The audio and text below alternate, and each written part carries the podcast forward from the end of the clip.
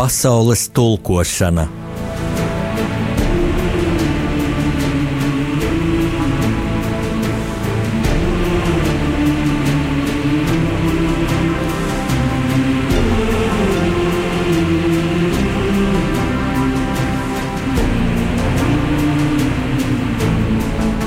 Studijā rakstnieks Jānis Udris.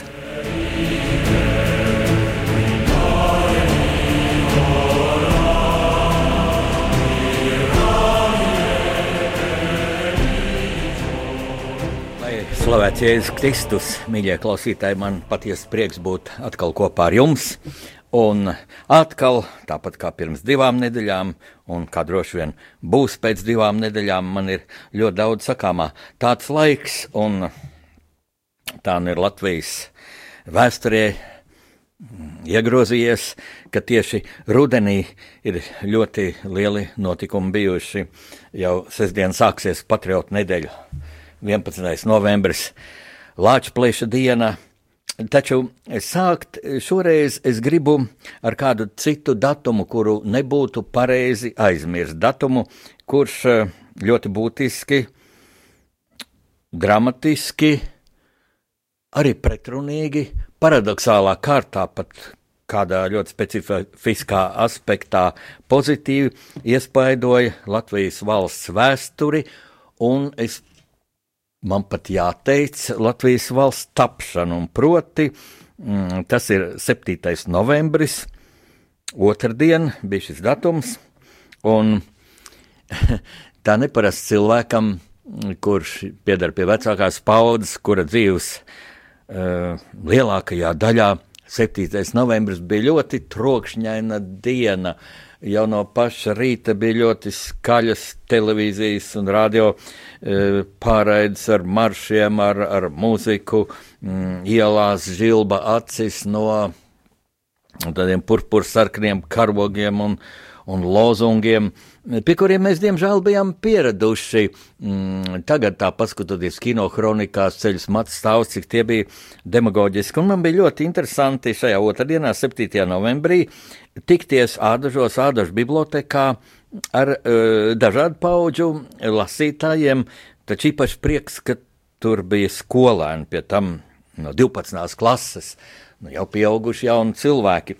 Un es tā interesi pēc viņiem prasīju, nu, vai jūs zināt, ka šodien pat diena ir. Un te viens puisis tā smaidot, saka, šodien ir otrdiena. Un es skatos, un tad gudroju, vai viņš man ķircina, vai tā nopietni izliekas, ka nesaprotu, ko es jautāju. Man liekas, ka ķircināja, bet tā labsirdīgi mums izveidojas ļoti draudzīgs tāds dialogs visā manas šīs mm, pārunas stundas laikā. Es viņam saku, bet kāda otra diena, kāda diena? Viņš saka, saulaina diena. Un tad viņa vecā kundzīte saka, nu šodien ir oktobra revolūcijas gada diena. Un ziniet, man agrāk eh, ļoti patika šī diena. Es saku, kāpēc jums tā patika? Nu, tā bija brīvdiena, varēja atpūsties.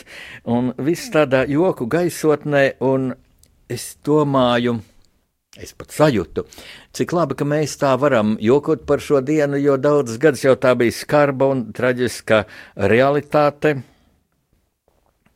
pasaules lielākajā teritorijas ziņā, pasaules lielākajā valstī, jo padomju impērija taču gadu desmitiem aptvēra sesto daļu no, no mūsu planētas sauszemes daļas. Mm, un man bija, kā profesionālam rakstniekam, publicistam, ļoti interesanti vērot, mm, kāda gaisotne valda Krievijas televīzijas kanālos. Es eh, pret šiem mm, kanāliem izturos atkal ar tādu dalītu attieksmi.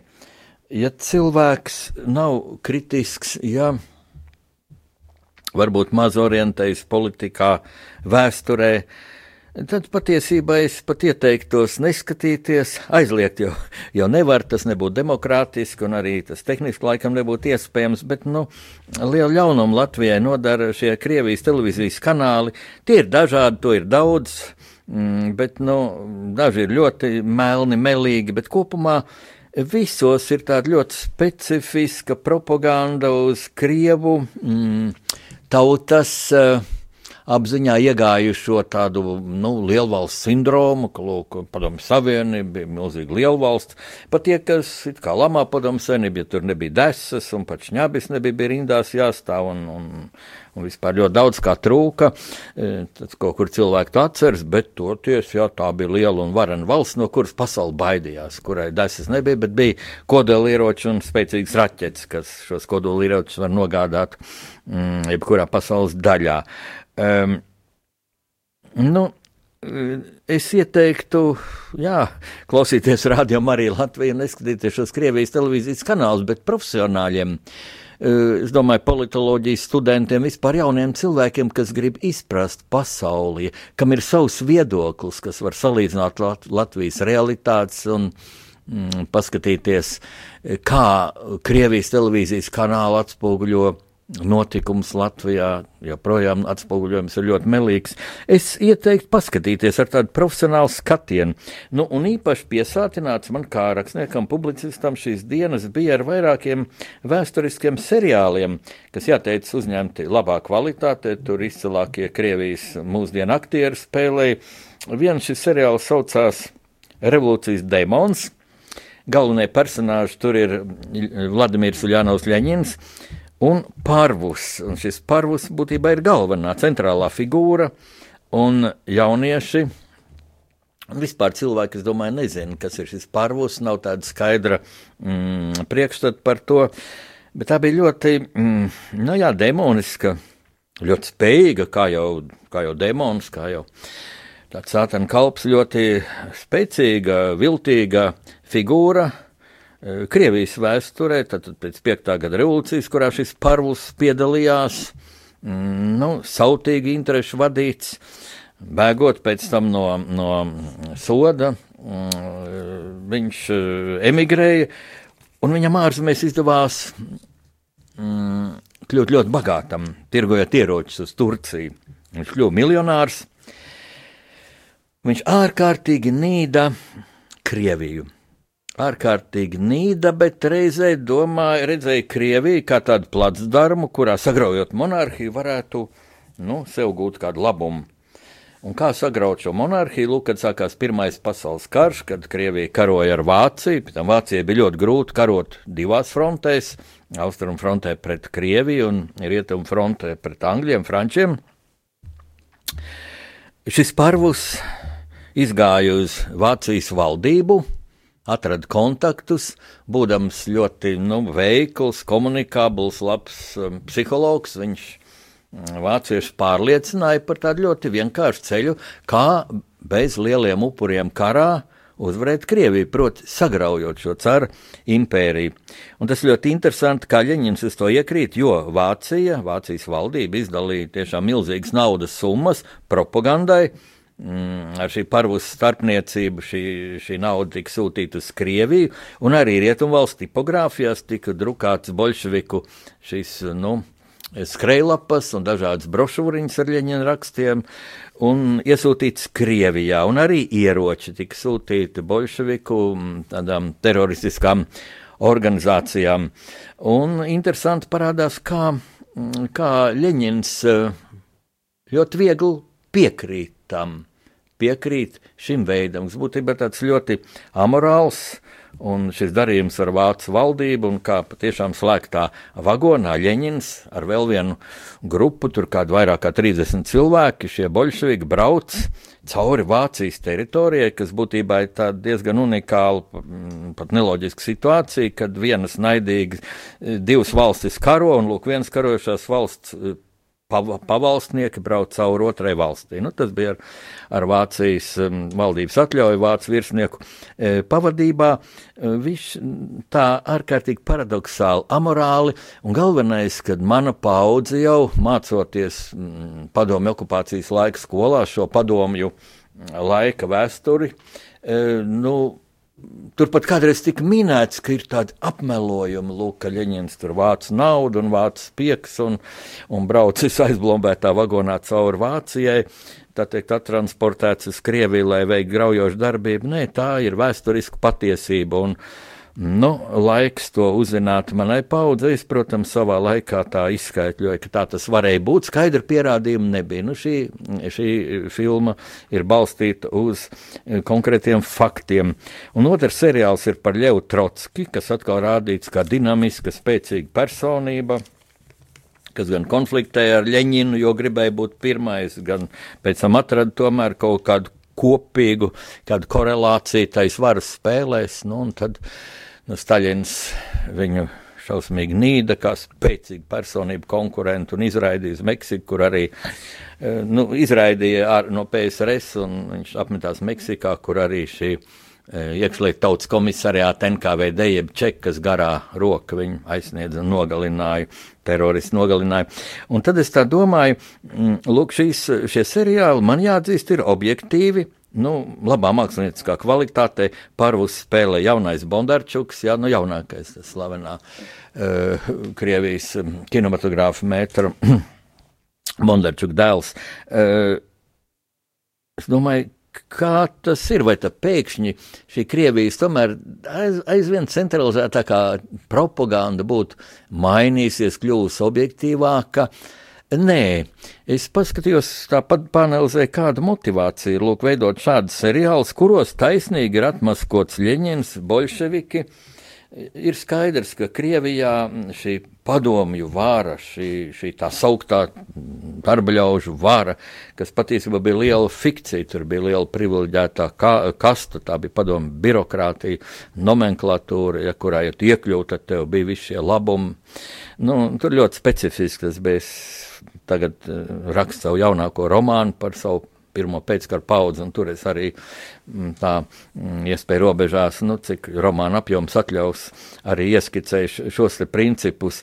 Bet nu, ir skaidrs, ka Krievija tagad iet kapitālismu ceļu, viņi iegriezīsies pie šī mm, pilnīgi nu, tādas, nu, muļķīgās saimnieciskās kārtības, kas pat faktiski nebija sociālisms, kas tikai tā vārdu pēc skaitījās sociālisms, jo tur bija tā dubultā grāmatvedība, tur bija novirs no sociālisma, no sociālistiskās ekonomikas principiem, un tev sociālistiskās ekonomikas elementi daudz vairāk ir bijuši daudz gadu desmit Zviedrijā, arī Vācijā, laikā, kad tur bija sociāldemokrātu sastādītas valdības. Bet Krievijā, acīm redzot, par valdošo ideoloģiju aizvien vairāk kļūst tāds neomonarhisms. Tas nenozīmē, ka viņi gribētu atjaunot cara monarhiju. Jā, tas vienkārši laikam nav iespējams, jo, jo cara ģimene nošāva bolševiki 1918. gadā. Nu, ja tur atrasts kādu pēcnācēju, nu, nezinu, vai tas varētu tā iekļauties šodien, šodienas modernajā pasaulē, bet lūk, šis e, lielvalsts tēls, nu, ja tagad, nu, tomēr vēsture ir noveda, noveda šo padomu savienību pie pilnīga bankrota. Šī padomu impērija izjuka pa visām šuvēm, atkrita visas šīs socialistiskās satelīta valsts - Bulgārija, Rumānija, Čehoslovākija, Ungārija. Polija. Nu, tad, nu, kas tad atliek? Tagad Krievija mēģina ap sevi pulcēt tādas bijušās PSRS republikas, kas ir atpalikušākas, tur Taģikistāna, Turkestāna, Kirgistāna. Uh, cenšas brāļoties ar ļoti spēcīgo Kazahstānu, spēcīgi tādēļ, ka šī zeme ir apbrīnojami bagāta ar dažādiem izrakteņiem. Nu, bijušajām Baltijas valstīm, tad visu pasauli zina arī Krievijā, nu jau tomēr Krievu tauta tā gudrākie cilvēki saprot, ka Baltijas valstis bija okupētas, un divus gadu desmitus mēs krājām demokrātijas pieredzi, kamēr pārējās šīs padomju impērijas daļas slīga nu, Staļina terorā un, un pilnīgā tādā beztiesīgumā, e, nu, mums tad ir atvēlēta tāda ārēja ienaidnieka loma, jā, lai rādītu, nu, ja Krievija ir kādas problēmas, tas tāpēc, ka latvieši, lietuvieši, igauni ir, ir slikti. Nu, lai tas tā būtu, e, lai, lai viņi to saka, to nevar apturēt, tas notiek ļoti masveidīgi, tur ir milzīgi e, naudas resursi tiek tam lietoti, mm, bet Tā tas apmēram būtu, nu, ka Krievija iet tādu neomonarhismu ceļu, nu, un ir arī šis līderis, e, tas ir Krievijas prezidents Putins, kurš acīm redzot tādā rotācijā ar Medveģevu kam, kad Putinam beidzas šis prezidenta termiņš, tad, tad, iev, tad ievēl paklausīgais elektorāts ievēl, ievēlēja Medveģevu, mēs jau tam bijām liecinieki, kad Medveģeva un Putins bija premjers, un tad viņi atkal nomainās, un tā jau var līdz bezgalībai tāds perpetuum mobile. Nu, bet tā tad, lai šos monarhismu ideālus celtu gaismā, e, spodrinātu, nu, tad jā, jā, jā, jākritizē bolševiki. Un šeit, lūk, tas sakrīt, tas rada tādu objektīvu, priega, objektīvu vēstures skatījumu, jo tiek atmaskots Ļeņins, šis parvus, kur Ļeņins, starp citu, nodeva parvus, ļoti gribēja iekļauties viņa valdībā, bet, nu, Ļeņins pa ceļam uz, uz Petrogrādu, uh, Stokholmā, tiekoties ar parvus, nu, pat negribēja ar viņu tikties. Ja, tā šis parvus nu, ārkārtīgi vīlies bija un dziļā naidā pret Ļeņinu viņa nomira. Vienā un tā pašā gadā, ļoti tuvu laika ziņā. Nu, lūk, tādas pārdomas par, par šo Krievijas, mūsu lielās kaimiņu valsts milzīgo notikumu. Tātad Oficiāli tas būtu saucies tā padomju mm, Savienības laikā Lielās Oktobra sociālistiskās revolūcijas simtā gada diena, lai gan. Objektīvais uh, apzīmējums būs simts gadi kopš bolševiku, nu, mm, avantūristiski, mm, starp citu ļoti haotiski, ļoti riskanti izdarītā bolševiku apvērsuma, kas dīvainā kārtā mm, nu, izdevās, jo pēc cara monarhijas sagraušanas 1917. Mm, gadā šī mm, pagaidu valdība bija ļoti vāja. To ārzemju eksperti atzina, tur nebija tie gudrākie cilvēki, viņiem nebija skaidra orientācija. Pēkšņi pēc ga, uh, valstī, kurā gadu simtiņiem ir pastāvējusi monarhija, pāriet uz demokrātiju. Nu, tā ir tāda visas pasaules laikam traģēdija. Tā arī Franču lielajā revolūcijā bija, kad šie revolucionāri, lūk, kad gāza monarhija, nu, pirmais bija monarhiem cirst galvas, monarhu ģimenēm, pēc tam, pēc tam cirst galvas uz giljotīnas cits citam. Nu, traģiska vēsture, kas Krievijā pirms simts gadiem tika īstenota tādā īpaši makabrā, makabrā, robustā veidā, kur upuru, upuru kalni bija daudz lielākā jebkurā citā valstī. Temats smags, manas atziņas smagas, es zinu, nu neko darīt no dziesmas vārds nevar izmest, tāpēc tagad es lūkšu kādu mūziku, lai jūs varat mazliet pārdomāt dzirdēto.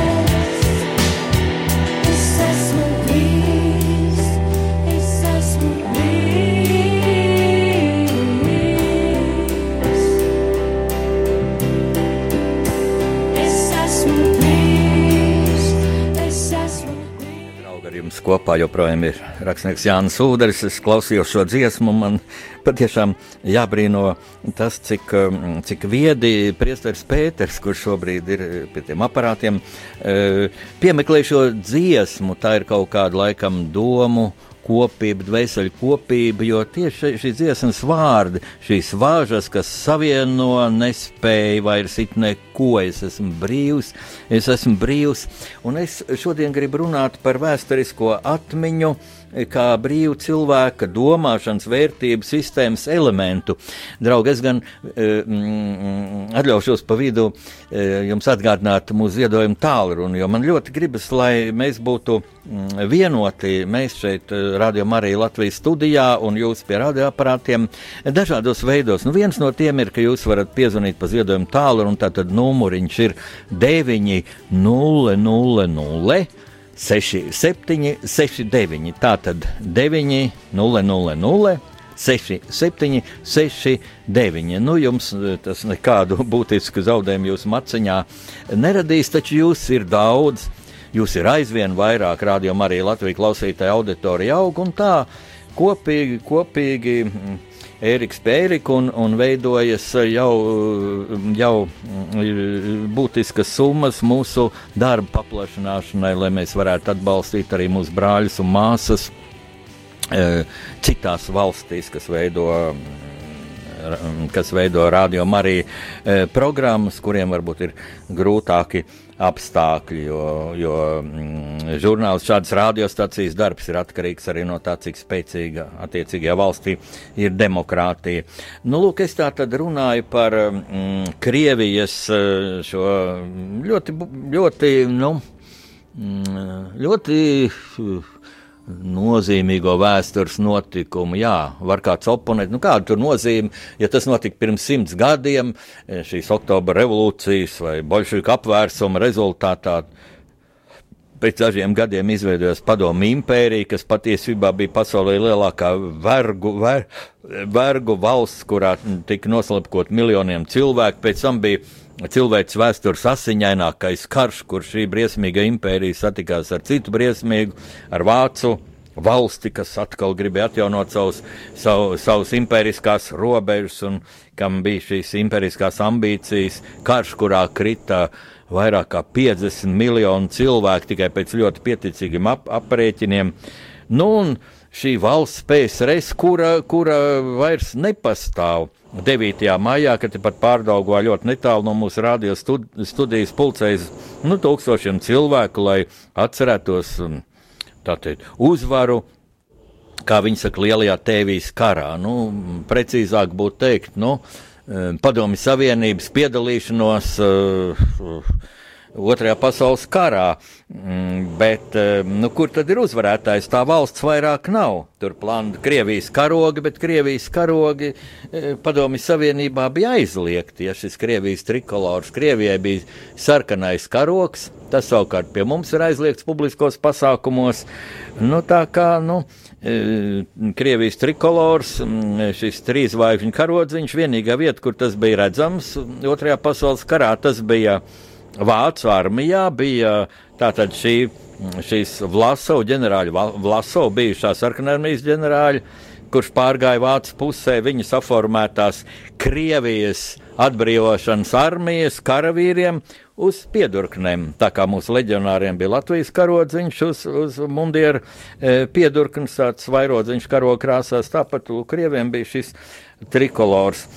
E, Nu, es domāju, tas ir ļoti nozīmīgs notikums šī, mm, šī bolševiku apvērsuma simtā gada diena, lai atcerētos, nu, izvērtētu, cik traģiski ir bijusi, nu, varbūt, varbūt pat visparadoxālākās valsts cilvēks vēsturē, nu, šī attīstība, šī dialektika caur šausmīgiem upuriem. Uz it kā lielu varenību, taču tikko groži kļūst va vaļīgāk šajā vergu valstī, šajā slepkavā valstī, tā valsts sabruka. Nu, vai tam ir kāds sakars ar mums, ar Latviju? Jā, ļoti tieši sakars. Vistiešākais būtībā, jo Latvija līdz līdz pat šim oktobra apvērsumam atradās Krievijas impērijas sastāvā, bija spiesta dalīt šīs valsts, nu, iekšpolitiku un ārpolitiku, izbaudīt iekšpolitiku un, dal, un, jā, un ārpolitikas sekas. Un latviešiem acīm redzot, tomēr mentalitāte, ekonomiskās intereses, ģeopolitiskās intereses bija stipri tādas suverēnas iekšējā latviešu būtībā, un mēs centāmies mūsu senči, mūsu tēvu, tēvu, tēvu tēvi, e, centās, kad vien iespējams, nu, kopā ar citām šīm Krievijas tautām, tomēr paust savu gribu cīnīties par savām tiesībām. Un te Te es gribu apstāties pie 1905. gada revolūcijas, pret kuru es eh, bieži sastopu tādu, tādu ļoti neizprotošu attieksmi. Eh, nu, piektā gada revolūcija, un it kā ar Ļeņins, un mēs tur gājām kopā ar Ļeņinu. Eh, pie tam, ja savā laikā man augstskolā bija nu, jāmācās šie leņķina darbi, cik nu apzinīgi es to darīju, nezinu, bet nu, dažas tādas leņķina tēzes es atceros. Viena no tām ļoti būtiska, ka lūk, no 5. gada revolūcijā, no visām šīm Krievijas nu, mazākuma tautībām, visiem reģioniem, ka tieši latviešu sociāldemokrāti bija nu, tas, tie, tie brašākie cīnītāji. Patiešām eh, kādreiz padomu laikā bija uzņemta tāda filma, uzbrukums slepeni policijai. Un, Un tā balstīta uz reāliem faktiem bija tāds gadījums, ka latvieši šie kaujinieki 5. gada revolūcijā ielauzās centrāla cietumā un ar pievēlētām atslēgām, attiecīgi piemeklētām. Jo viņam tur bija sakara ar šī cietuma uzraugiem, nu, atslēdz kameras, atbrīvoja savus, dažus savus biedrus. Nu, kaut kas tāds pavisam unikāls, leģendārs, misticisks, ja latvieši arī meta bumbas un spridzināja, tā kā arī bija, bijām teroristi. Uh, laupīja šīs bankas, to sauc toreiz tādā smalkā vārdā par ekspropriāciju, bet mm, tā, tā saliekot pa plauktiņiem, kas tas īsti bija, tā bija latviešu, latviešu mm, cīņa pret nacionālajiem spaidiem, pret rusifikāciju, Eh, pret to, ka skolās jāmācās krievu valodā, eh, pret ekonomiskiem spaidiem, pie tam Latvijā tie bija dubultīgi, jo nu, politiskā vara bija mm, krievu mm, caru valdībai, bet Latvijai ekonomiskā vara joprojām bija mm, laukos, jo pamatā Latvija bija lauksainicības zeme, vācu mužniekiem. Un vācu mužnieki ar Krievijas cara šo administrāciju ļoti labi sadzīvo. Īpaši, kad 5. gada revolūcija tika sagrauta, nu tad, tad šīs cara sūtītās soda ekspedīcijas, kur bija mežonīgas kazaka vienības pamatā. Viņi lūk, līdzi pa šīm mūžām, un mūžnieki tad uzrādīja, kur māju dedzināt, kuru, kuru latviešu nošaut, kuru nopērt. Tāda briesmīga savienība. Un man ļoti pārsteidza tāds fakts, es kaut kā nebiju to pamanījis, bet maistro Jānis Streičs, mūsu leģendārais um, kinomeistars, uh, reiz kādā koncertā, kas bija veltīts mūsu izcilā diriģenta Jāņa Dūmiņa uh, jubilējai, pieminot Jānu Dūmiņu, kurš jau ir debesīs, uh, teica, ka nu vajag, vajag rehabilitēt uh, Raimondu Paulu dziesmu manai dzimtenei, ka tā kā esot opozīcija, kas neļauj šo dziesmu iekļaut dziesmu svētku repertuārā, šo ģēnielo dziesmu. Un kāpēc? Tāpēc, ka tur ir vārdi, vēl nāks piektais gads, asins traumas līst, un mums it kā būtu no tā piekta gada jākaunās. Un tad man ir kauns par cilvēkiem, kas tā domā. Mēs varam lepoties ar savu piedalīšanos piekta gada revolūcijā. Nu, cita lieta, jā, ka tur latvieši dedzināja mūžas, un tas nes, nu, tā nebija labi, jo šīs mūžas jau, jā, pēc vācu mūžnieku pavēles bija, bija cē, cēluši latviešu zemnieki. Latviešu dzimcilvēki, un, un šajās mūžās, pēc tam, kad bija Latvijas valsts pastāvēja, tika ierīkotas skolas, slimnīcas, sanatorijas, kāpēc tā dedzināt, jā, vērtīgas celtnes, grāmatas, bibliotekas, nu, tautas naids tā izpaužas, no tā ir jāmācās. Tā ir tā vēstures daļa, no kā ir jāmācās. Bet, bet es esmu ticies savā laikā, mm, padomu okupācijas laikā, ar latviešu strēlniekiem, kurus tad sauca par latviešu sarkaniem strēlniekiem. Tiem, kuri mm, lūk, pēc šīs, šī bolševiku apvērsuma aizgāja vairāki pulki, organizēti kauj, kaujās rūdīti, ložmetēji kalnā, Ziemassvētku kaujās rūdīti latviešu puiši. Labākās karaspēka vienības, kas bija Carkrievijas sastā, armijas sastāvā. Lūk, pēc bolševiku apvērsuma aizgāja uz um, Petrogrādu, tātad apsargāt Ļeņina valdību. Un, kad es ar viņiem runāju, pirmkārt, kāpēc viņi gāja strēlniekos 1915. gadā, 16. kad e, cārā mm, administrācija, kad tai gāja grūti frontē, un, un latviešu domnieki, daži latvieši bija e, Krievijas valsts domē, nu, izteica tādu priekšlikumu, lūgumu atļaut veidot latviešu strēlnieku bataljonus, kāpēc cārā administrācija to atļāva. Un, un, šie bataljoni tika izveidoti, pēc tam pārveidojās pulkos. Šie eh, sirmie vīri, viņi bija veci vīri, tādi 90 gadu veci, kad es tikos. Tagad jau viņi visi ir viņā saulē. Viņa teica, mm, ka lielākajai daļai naids pret cara valdību radās 5. gada revolūcijā, un tieši tad, kad latvietim, e, kad latvietim radās iespēja mm, nu, dabūt ieroci, zem savu virsnieku vadības cīnīties nu, par Latviju, jo Latvijā nāca iekšā, kur, kur zem bija ņēmuši vācieši. Nu, tad latvieši to darīja. Un kāpēc gāja aizsargāt Ļeņinu? Es pat esmu dzirdējis tādus mm, vārdus, ka mums vajadzētu atvainoties Krievijai par šiem strēlniekiem. Pat kad tika dibināta Latvijas Tautas fronte 1988. gada oktobrī, tad ies, tika iesūtīts tāds priekšlikums, ka mums vajag atvainoties Krievijai par latviešu strēlniekiem. Latviešu strēlnieki Krievijai, es nezinu, ko tādu būtu izdarījuši, ja tur saka, latviešu strēlnieki šāva cilvēkus. Un, tam līdzīgi, nē, tad ir visi meli, melus ļoti cītīgi izplatīja. Paši strēlnieki man to ir stāstījuši. Patiesībā šie strēlnieki nu, cīnījās pret, pret, jā, pret Baltu, Baltgārdu armiju, un viņi cīnījās tātad pret cara valdību, jo, ja būtu cara monarhija noturējusies, atjaunota pēc šī mm, bolševika apvērsuma, tad, protams, nekāda runa par eh, neatkarīgu Latvijas valsts nevarētu būt. Un pat pagaidu valdība, kas stājās, um, kas pārņēma varu pēc uh, šī bolševika apvērsuma, negribēja pat dzirdēt par kaut kādu Latvijas autonomiju. To es esmu aprakstījis savā romānā par Zikfrīdānu Mērovicu.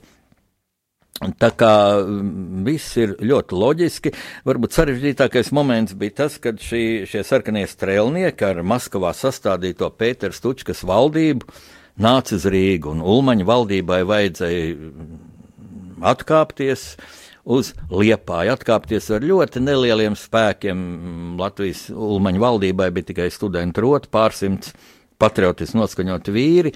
Bet tad jau ļoti ātri parādījās angļiem tāds teiciens, huis, huinzezu, ja kas kurš ir, un Stučkas valdība ar šīm pasaules revolūcijas idejām, ar šiem, nu, es teiktu, murgainiem komunistiskajiem saukļiem, ar šo teroru patiesībā, kas nav ar mums, tas ir pret mums, ļoti ātri sev atmaskoja, un gluži vienkārši šie strēlnieki gāja prom no Stučkas armijas un, un gāja uz mājām, uz savām lauku saimniecībām. Viņi taču bija atgriezušies Latvijā un ļoti daudz, ļoti daudz pārgāja Latviešu Nacionālās armijas, tātad mm, Ulmaņa mm, aizstāv, aizstāvētāju rindās. Nu, lūk, tāds ir šis vēstures aspekts, kuru noteikti mums vajadzētu mm, atcerēties. Un uh, es gribu teikt, ka varbūt viens no sliktākajiem padomju okupācijas gadu mantojumiem, kas ir manā paudzē, vecākajā paudzē un arī vidējā paudzē, no kuras ļoti, ļoti ceru, ka ir, brīvi, ka ir brīvi jaunieši, tie, kas ir dzimuši jau atkal brīvā Latvijā. Tas ir tāds vēsturiskais mazohisms, ka mums liekas, ka mēs visu esam darījuši nepareizi, un mēs esam kaut kur vainīgi, un ka no nu, mums nekas nav bijis atkarīgs, un, un, un ka mums kaut ko ir jānožēlo, un, un, un, un, un gaidām jau, kad ka, vai atkal ka mums kādu jaunu kakla kungu neuzradīsies. Un, Un ļoti pasīvi izturamies pret politisko dzīvi savā valstī, nu, sākot ar to, ka neejam balsot, jo tāpat jau nesot nekāda jēga. Ļoti pasīvi esam. Um, pret iespēju veidot savus partijas, kādu savu tautas kustību, apvienoties domu biedriem. nav pasīvi, nu, veikli tādi cilvēki, kas, kas grib pašlabumu. Lūk, šeit es ļoti gribētu apelēt tieši pie jauniešu, tādu mērķtiecīgumu, tādas veselīgas godkārības.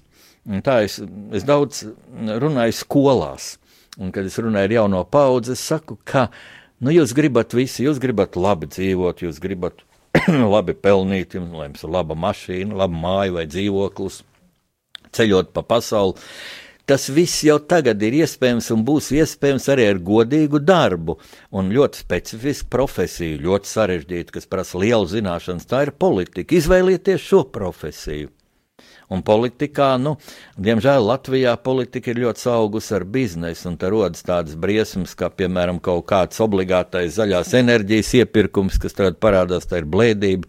Šī zaļā enerģija arī, kamēr tur uzceļ tās hidroelektrostacijas, tur pamatīgi tiek daba piesārņot un naftas produkti mm, e, dedzināti, bet galvenais izrādās, ka šie zaļās enerģijas ražotāji nemaz. Mm, nemaz tik godīgi nav un ne jau tikai hidroelekt, e, hidroenerģija ražo, tas ir no nelielām spēkstacijām uz upēm, kas ir, bet, bet viņi gluži vienkārši darbina, darbina arī dīzeļmotors un šo elektrību rada, un to ir grūti izkontrolēt, bet tā ir cilvēku laupīšana, jo šī, šis obligātais iepirkums ir vairāk kā dārgāks par parastu elektrību, un, un mēs to obligāti esam spiesti pirkt. Un viens, ka nu, katrai ģimenei budžeta tas iecērt robu, bet tas arī iznīcina vesels ekonomikas nozars. Nu, piemēram, Liepais sarkanais metalurgs, kur ārkārtīgi daudz elektroenerģijas tiek patērēts, lai šīs milzīgās krāsnes uh, uzkarsētu tā, ka metāls ka līdz metāla liešanas temperatūrai, ka metāls izkūst, tur vajag milzumu elektroenerģijas, un gluži vienkārši tas arī noved šo valsts līdz bankrotam. Nu, atkal daudz faktu es. E, es atkal lūgtu mūziku, tikai vēl atbildes kādu jautājumu, ka nesen kādu filmu rādīja par Grigoriju Rasputinu, te klausītājs tā raksta. Uh, Man ar tā filmu pazibēja, vairākas tādas filmas ir bijušas. Nezinu, kura tieši jūs domājat, vai jūs esat pētījis viņa personību un dzīvi. Nē, es neesmu pētījis, jo es uh, savos vēsturiskajos romānos pētu Latviju, Latvijas vēsturi, Latvijas personības, nu, un Krieviju par tik, cik tā ir iespaidojusi, mm, iespaidojusi Latvijas. Uh, Latvijas likteni, Latvijas vēstures attīstību, un Rasputins tiešām pārāk uh, maz zinu, lai par viņu pateiktu ko jaunu, vienīgi savu viedokli es gribu pateikt, tas noteikti bija cilvēks ar, ar lielām, ar lielām, nu, tādām varbūt pat dievu dotām spējām, bet jautājums, kā viņš tās izlietoja, noteikti.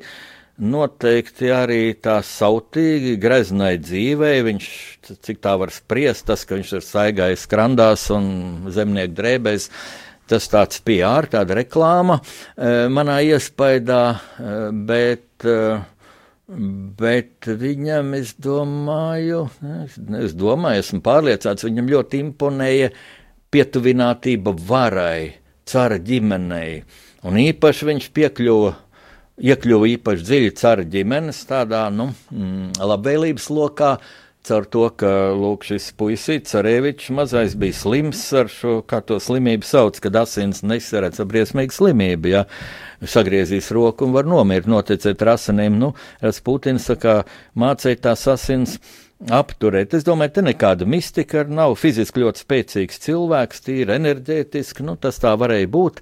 Um, nu, diemžēl viņam laikam arī bija ļoti negatīvs iespējas uz kara gaitu, viņu izmantoja. Viņš bija ļoti neizvēlīgs, uh, ar ko satikties, ar ko nē, un viņam ļoti veikli varēja, nu, caur viņu ie, ievirzīt caru ģimenē, nu, teiksim, tur tādu ideju, lūk, uh, uzbrukt pie tiem Barānovičiem, kur Krieva armija cieta sakāvi. Ja. Es domāju, ka arī šeit lūk, politika un, un ārvalsts izlūkdienas caur šādu Rasputinu. Ja būtībā tāds primitīvs cilvēks kopumā bija lūk, ielauzās tajā, bet tā, lai es pētītu, nē, kāpēc. E, tagad brīdis muzikai.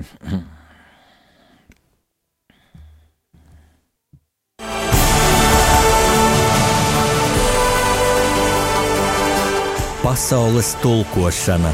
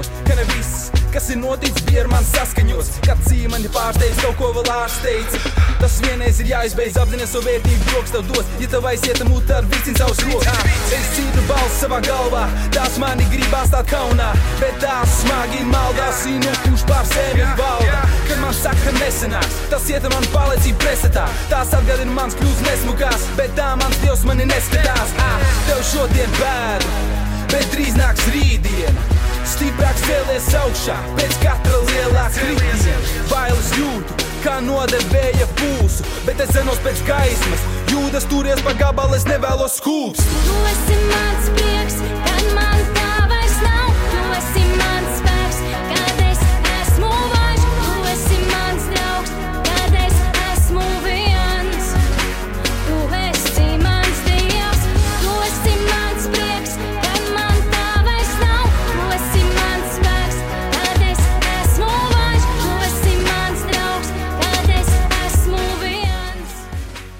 Šeit rādījumā arī Latvija kopā ar jums studijā vēl kādas desmit minūtes būs. Jānis Udris. E, Lūk, es šodien runāju par vēsturisko atmiņu, mūsu vēsturisko pieredzi. Es pats tā jūtot, ka jāmin ļoti daudz faktu, un, un vēl ļoti daudz faktu paliek aiz kadra, un tad vēl kāds klausītājs prasa par Rasputinu. Rasputinam tiešām te nav, nav vietas manā, manā raidījumā vairāk. Bet, um, tās lielās mācības no vēstures.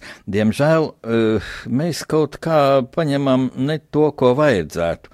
Es nerunāju par vēstures faktiem. Vēstures faktu šodien informātikas laikmetā var atrast viegli, atver kompjuterā e, Google vai Wikipēdiju un izlasi jebkuru faktu. Un, ja vecāki ļaudis tā nemāk ar komputeru rīkoties, paprasiet saviem mazbērniem. Viņi teiks, nu tas taču ir tik vienkārši.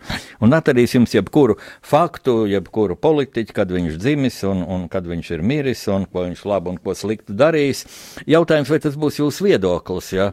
Jums šos faktus vajag rūpīgi pārdomāt. Un, diemžēl mūsu vēsture ir bijusi tik sarežģīta un tik daudz eh, tādu svarīgu mm, procesu ir noticis eh, mūsu lielās kaimiņu valsts cēnā. Mm, Vispirms jau jārunā par okupācijas gadiem, kad mēs bijām okupēti Padomju Savienības sastāvā. Mm, un tad rodas tāds priekšstats daudziem, un daudzi sludina to, un dīvainā kārtā vai nožēlojamā kārtā ir arī avīzes, un arī ir žurnāli un televīzijas radio kanāli, kas, kas lūk, izplat šādu viedokli, ka nu, mums jau nekas nav atkarīgs, lielvalsts jau visu to tāpat izlēma, un tā tālāk, un tā tālāk. Un te nu es gribu teikt, ka tās ir absolūts muļķības un tāda, tāda apkaunojoša pozīcija, mm, kas laikam radās 1930. un 40. gadā, kad mm, Ulmaņa, Ulmaņa valdība, nu, būtībā pat nevar runāt par valdību, jo valdība bija mm, sastāvina no Ulmanim uzticīgiem cilvēkiem, kas atkārtoja, paklausīgi atkārtoja Ulmaņa viedokli, atcot, kad Kārls Ulmans pieņēma lēmumu nepretoties padomi Savienības ultimātiem. Tad radās bezcerība, kaut karot varēja, eh, es par to pat nerunāšu, jo Es esmu dzirdējis tik daudz tādas nu, muļķīgas, mazohistiskas, apkaunojošas argumentus, ka tur Krievijai padomu savienībai bija simtreiz vairāk spēku un tam līdzīgi. Tie ir meli. Spēku bija vairāk, jā, varbūt divas, trīs reizes vairāk, bet nu, aizstāvēt savu zemi ir vieglāk arī no militārā viedokļa, no morālā viedokļa, protams, nekā, mm, nekā iekarot svešu zemi. Un droši vien, ja būtu bijis karš, būtu līdzīgi kā Somijā, ka Padomu savienība sūtīt aizvien jaunas, aizvien jaunas vienības, kopumā droši vien mums resursi izsīkt un vajadzētu kapitulēt, noslēgt kādu pamierlīgumu, varbūt pat zaudēt neatkarību, bet tas būtu uz laiku, uz daudz īsāku laiku, jo, jo mūsu politiskā situācija pasaulē būtu pavisam savādāk. Ja mēs bijām tik daudz gadus okupēti, um, tad tas um, nu, ļoti lielā mērā arī notika tādēļ, ka rietumos vienmēr atradās politiskās diskusijās, kā palīdzēt Baltijas valstīm, ko prasīt no Padomjas Savienības iepratiem Baltijas valstīm. Bija šis arguments, bet viņi taču nekaroja. Nu, un, mm, es uzskatu, ka diskusija par to, vai savu valstu vajag aizstāvēt vai nevajag aizstāvēt, ir gluži vienkārši amorāli, un es negribu nodarboties ar amorāl, amorālām lietām. Un mans arguments ir tāds, ka lūk, 1919. gada rudenī, kad Rīgai uzbruka milzīgā Bermonta Avālo armija, kas bija ļoti profesionāli. Tur bija ļoti rūtīti vācu un arī krievu karavīri, mm, kuri bija uh, izgājuši pirm, Pirmā pasaules kara frontes. Viņi bija labi bruņoti, viņiem bija aviācija, viņiem bija mm, tanki. Uh, lūk, viņi nāca uz Rīgu, un Latvijas armija brīvprātīgi, ja vāji bruņoti, daudz neapmācīti, nebija pat formas tērpu, bet apturēja viņus daudzos krastos un, un, un sakāva pēc mēneša, un beidzot pat vajāja, kamēr viņi tika izdzīti no, no Latvijas, un Latvija pat pieteica 20. gada sākumā karu Vācijai. Nu, un es gribu minēt vēl vienu gadu, kurš dīvainā kārtā sastāv no tiem pašiem cipariem, ja kā 1919. gads. Tas ir 1991. gads, janvārs, janvāra barikādas, kurā uh, kurās arī es piedalījos, un es domāju, ka tur bija neviens no mūsu rādījuma arī Latviju klausītājiem. Toreiz mums nekā nebija, ne armija, ne ieroči, un pasardies mums, ja ieroči būtu bijuši, tad tas varēja beigties ļoti asiņaini, jo padomu impērija gaidīja, lai mēs uz viņiem šautu. Uh, Es pat tā visu laiku drebēju, tieši tajā barikāžu laikā man sirds drebēja, ka tikai kāds provokators neuzrodas tur barikāžu sargu rindās, neiefiltrējas, kas tiešām šautu, ja um, nekas tāds nebija. Tagad kaut kāda muļķīga, es, es biju kaut kādā kurzemē, tādā pašdarbības muzejā, kur rāda lūk ieroči, ar kuriem barikāžu sargi tur bija. Tas ir pēdējās muļķības un būtībā tāda kaitīga, tāda propaganda vai reklāma. Nu, ja tur, tur tie ieroči bija kaut kādi, ziniet, tādi sitamie, nu, ko huligāni uz rokām uzvelk. Tā varbūt tas tādēļ tur izstādīts, lai degradētu mūsu miermīlīgo pretošanos, jo šī koncepcija bija miermīlīgā pretošanās kas izauga lozungā, kas tika formulēta lozungā ar gara spēku pret karaspēku. Tātad galvenais ir motivācija, sargāt savu zemi, e, stāvēt vai mirt par savu taisnību. Un mm, kā vienā tādā diskusijā teica viena veca kundzīte, jau dārzkope no manas Rīgas uh, Lutera draudzes, tepat līdzās mūsu radio studijai uh, Tornkalna baznīcā, es ar viņu sastopos. Viņa teica, Dievs kritiskos brīžos vēro cilvēks, vēro tautu, un ja Dievs redz, ka tauta ir gatava cīnīties, tad Dievs dod tādu palīdzību, kāda cilvēkiem pat nav rādījusies pat sapņos. Un te varētu minēt eh, šo līdzību ar veco derību, kad Izrēļa tauta bēg, šo tautu vajāja milzīga eģiptiešu armija, un tad, lūk, Viņi nonāk pie jūras, un jūra pašķirs, un Izraēla tauta pāriet pāri jūrai, un tad jūra atkal sakļaujas, un eģiptieši nevar viņiem vairs sekot. Lūk, šī dieva milzīgā palīdzība. Un es domāju, tā tas arī varēja būt tīri, tīri dabas ziņā, jo, nu, lūk, šie beidzēji nonāk pie jūras un sākas e, bēgums, un viņi var uh, pārkļūt pāri jūras šaurumam, un pēc tam nāk paisums, un vajātāji vairs netiek. Tā kā galvenais ir gara spēks un ļoti kritiskā situācijā Otrā pasaules kara laikā, 1944. gadā, kad, kad Vācu armija jau bija atkāpusies no Rīgas un vēl turēja kurzemi ar 30 divīzijām, turēja kurzemi līdz pat kapitulācijai 8. maijā. Un tur bija arī leģionāri.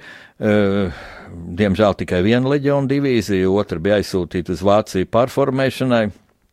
Ja bija kaujās ļoti cietusi, tikai 19 divīzija tur cīnījās, un šie leģionāri, tas ir lielā mērā viņu varonības nopelns, ka viņi noturēja kurzemi, dodot iespēju simtiem tūkstošiem latviešu no Ventspils un, un Liepājas ostām. Um, nu, doties bēgļu gaitās uz Vāciju, jo kurzemē pienāca vācu kuģi ar militārajām kravām.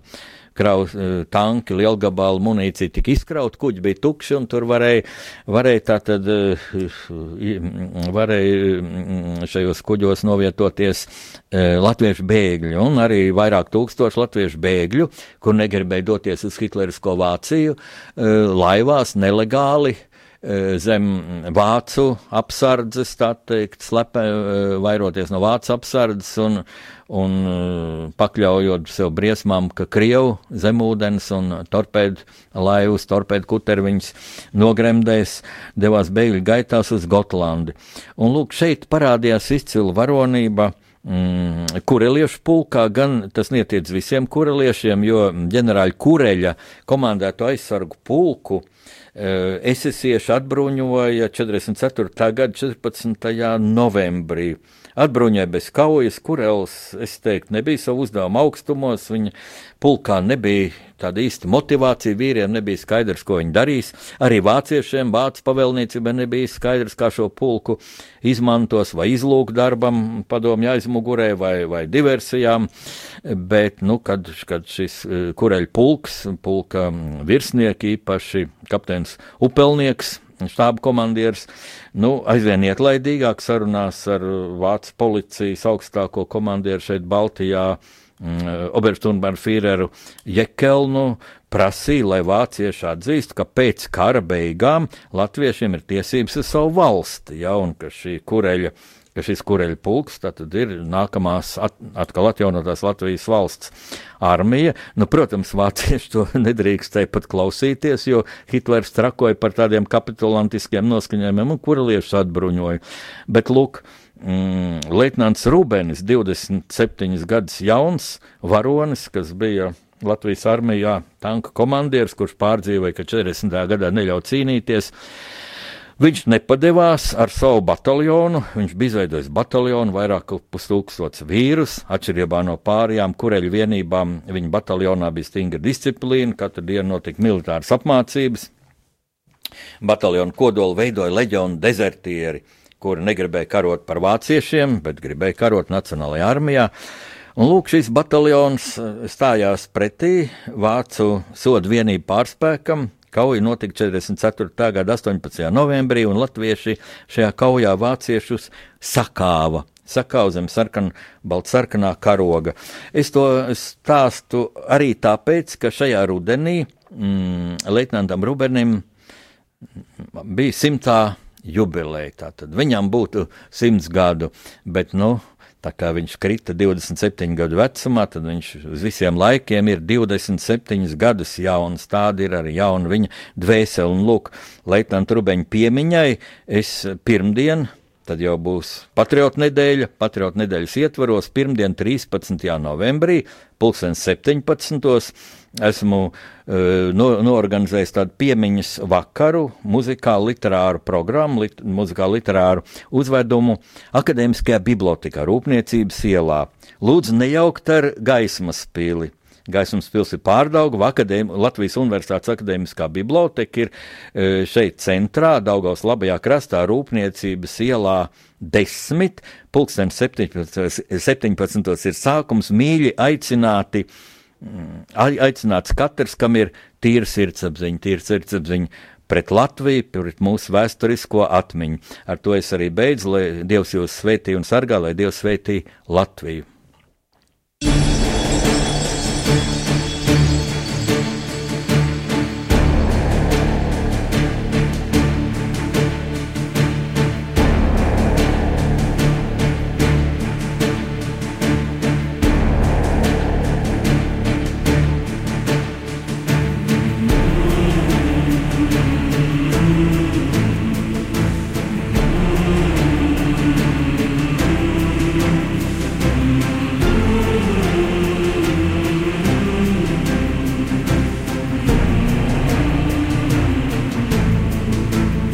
Pasaules tulkošana